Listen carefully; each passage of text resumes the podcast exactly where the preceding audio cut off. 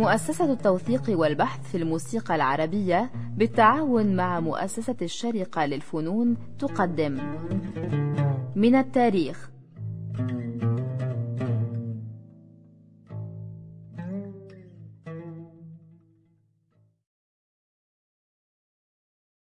أهلا وسهلا بكم سادتي المستمعين في حلقة جديدة من برنامج من التاريخ. نواصل فيها الحديث عن الشيخ السيد الصفتي ويواصله معنا الأستاذ الدكتور فريدريك لاجرونج لا شك أن الشيخ سيد الصفتي شأنه شأن الشيخ يوسف المنيلاوي هو نموذج من هؤلاء المنشدين والمقرئين الذين تخصصوا في بداية عمرهم في أداء الحصيلة الدينية ثم انتقلوا تدريجيا إلى التخت بحيث أنه لم يكن هناك فاصل ما بين الفنين ولكن كان من الممكن أن يتخصص الفنان في لون من هذه الألوان لكن يمثل أو هو نموذج من هؤلاء المنشدين الذين اختاروا بشكل نهائي الغناء الدنيوي في بداية القرن العشرين. دنيا غرورة. فعلا. أما تاريخ هذا الانتقال تاريخ هذا الاختيار النهائي للغناء الدنيوي والغناء على التخت مع الآلتية فمن الصعب أن نصدق المراجع التي ذكرناها في البداية كأدهم الجندي أو أدهم الجندي وأحمد الجندي بحيث أنهما يدعيان أن الشيخ سيد الصفتي بقي يغني هذا اللون الإنشادي حتى السنوات الأولى من القرن العشرين ولم ينتقل إلى التخت إلا ابتداء من 1905 وكما سبق أن قلنا أرشيفات شركة الجراموفون زونوفون تثبت أن الشيخ سيد الصفتي ينتمي إلى أول دفعة من المطربين المصريين الذين شاركوا في مغامرة التسجيل التجاري. عندما كان التسجيل التجاري ما زال مغامرة. وأكد لك كمان أنه عنده كوبايات قبل كده عندنا يعني.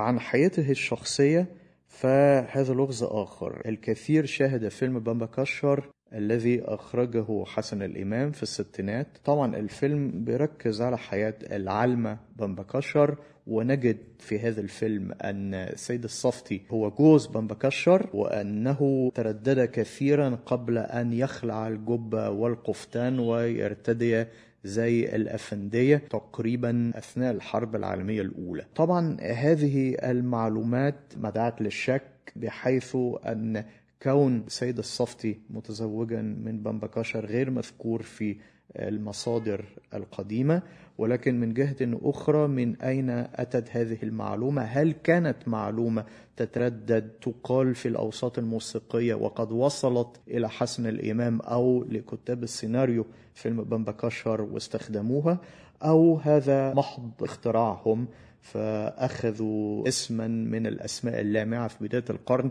ولكن اسم يكون مغمورا إلى حد ما بالنسبة للجمهور الأوسع لكي يقع لبس أو شوشرة. سياق الدراما يا أستاذ.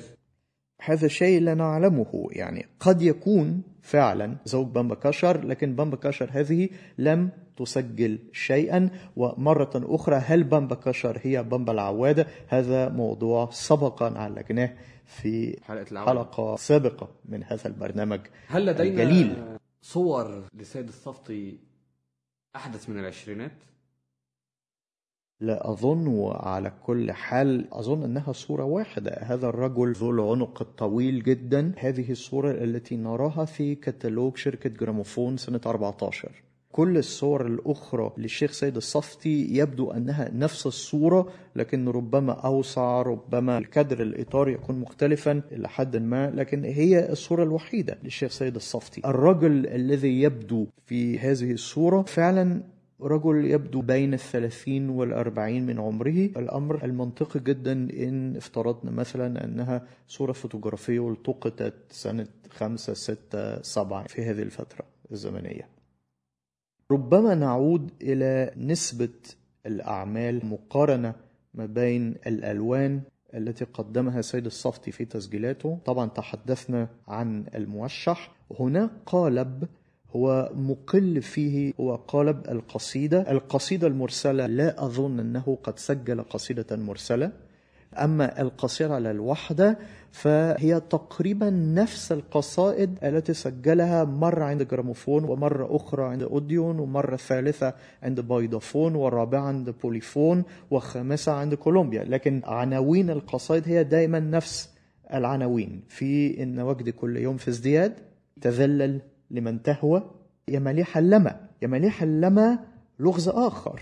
لغز كبير. لغز كبير. لأن التسجيلات المتأخرة ليماليح اللمى مشابهة تماما لصيغة أبو العلا محمد.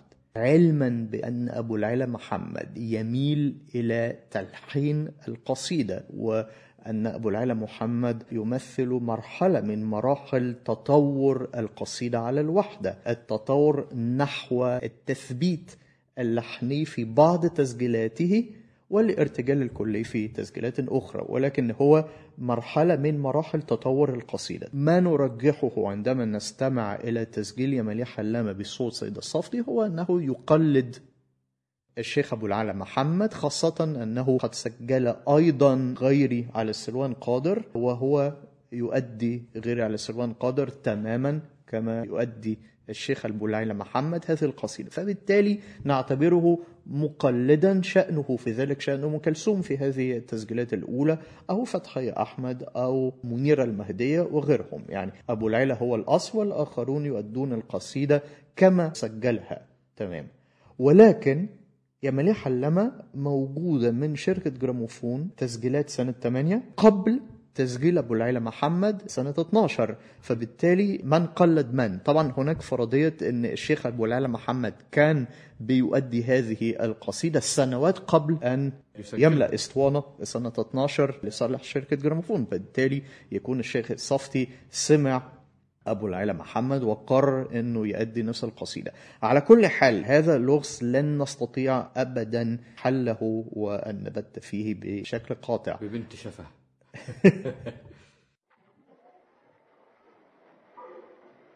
أهي أنا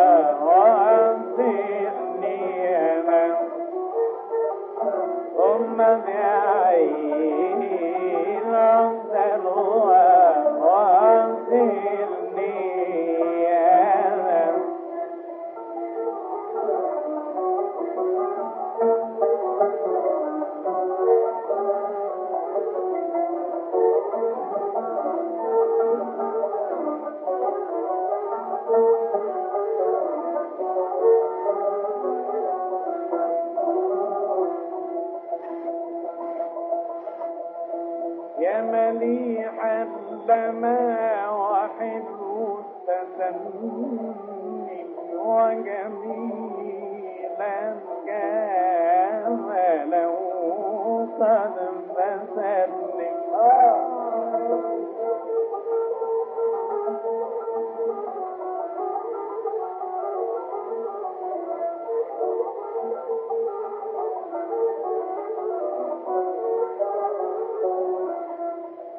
مليح اللمن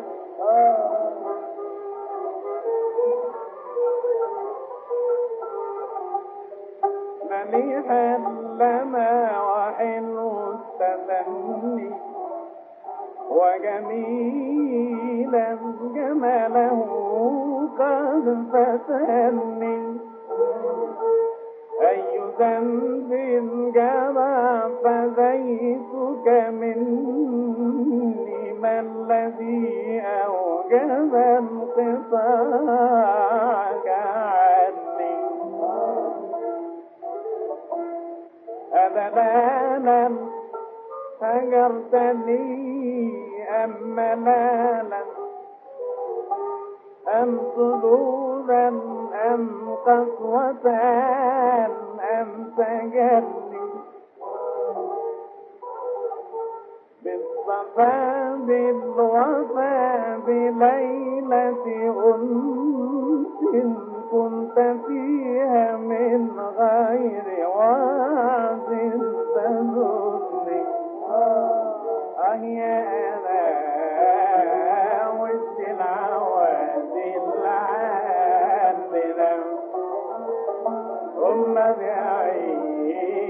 ثم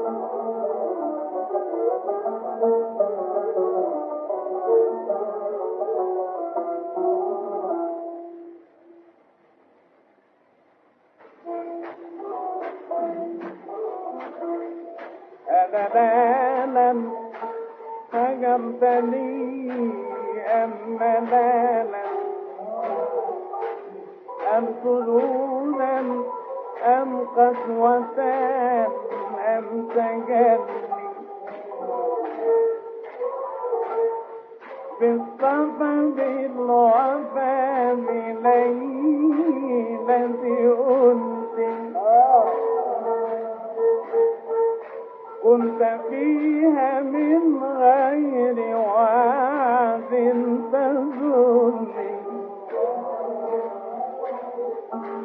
لا تبلغ أعداي في مناهم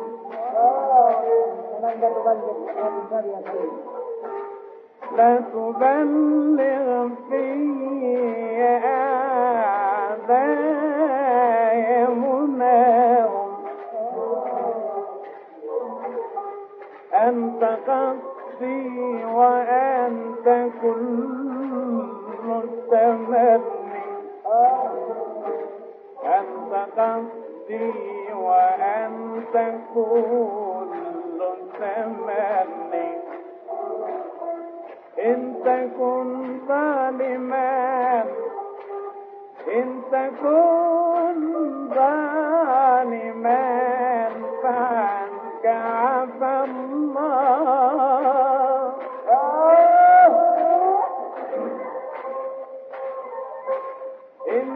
إن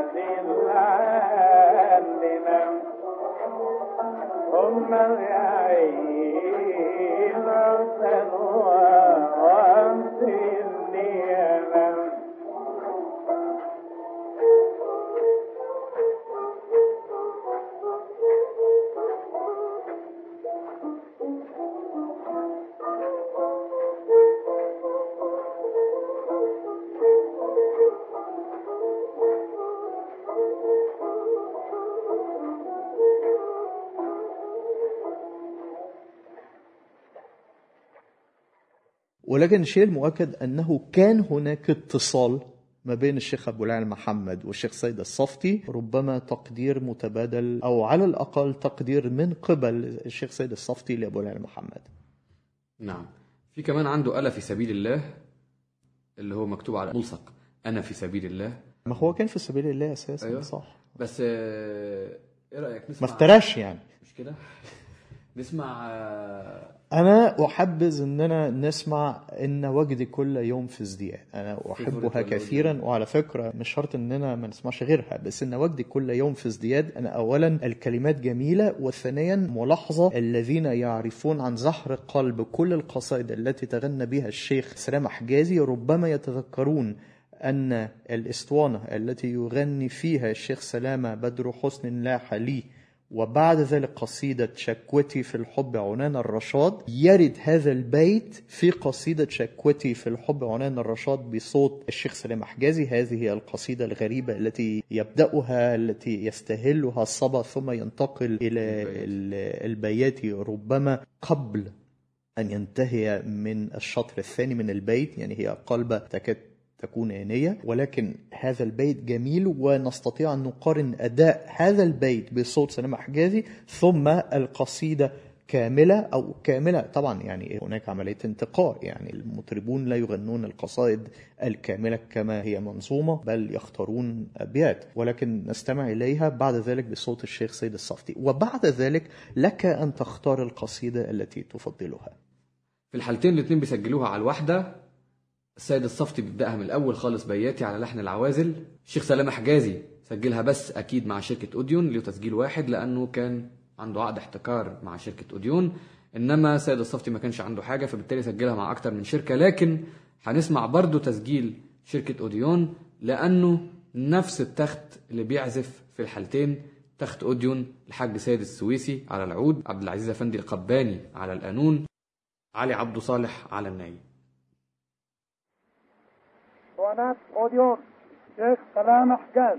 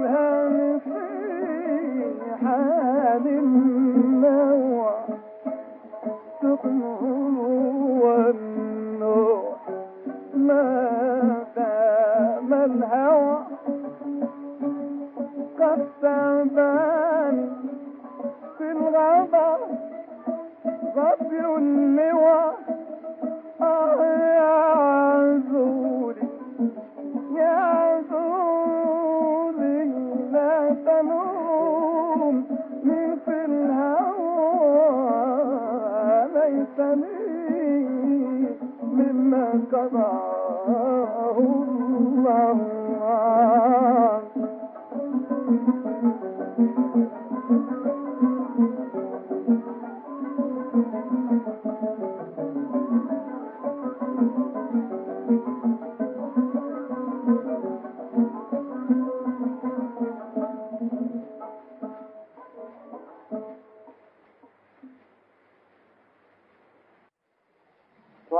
por Dios.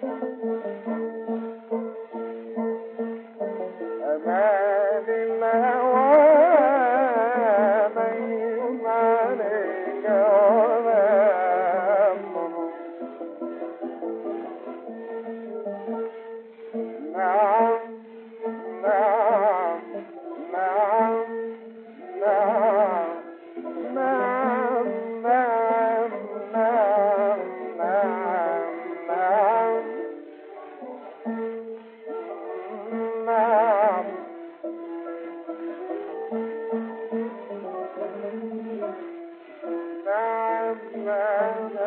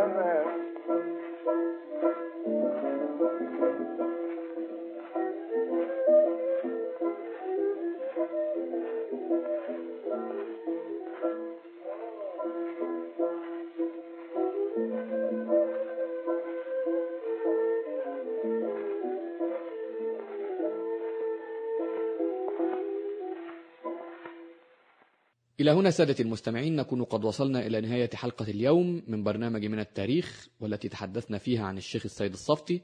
الشكر الجزيل للأستاذ الدكتور فريدريك لاجرونج وإلى أن نلتقي بكم في حلقة جديدة نواصل فيها الحديث عن الشيخ السيد الصفتي. نترككم في الأمان.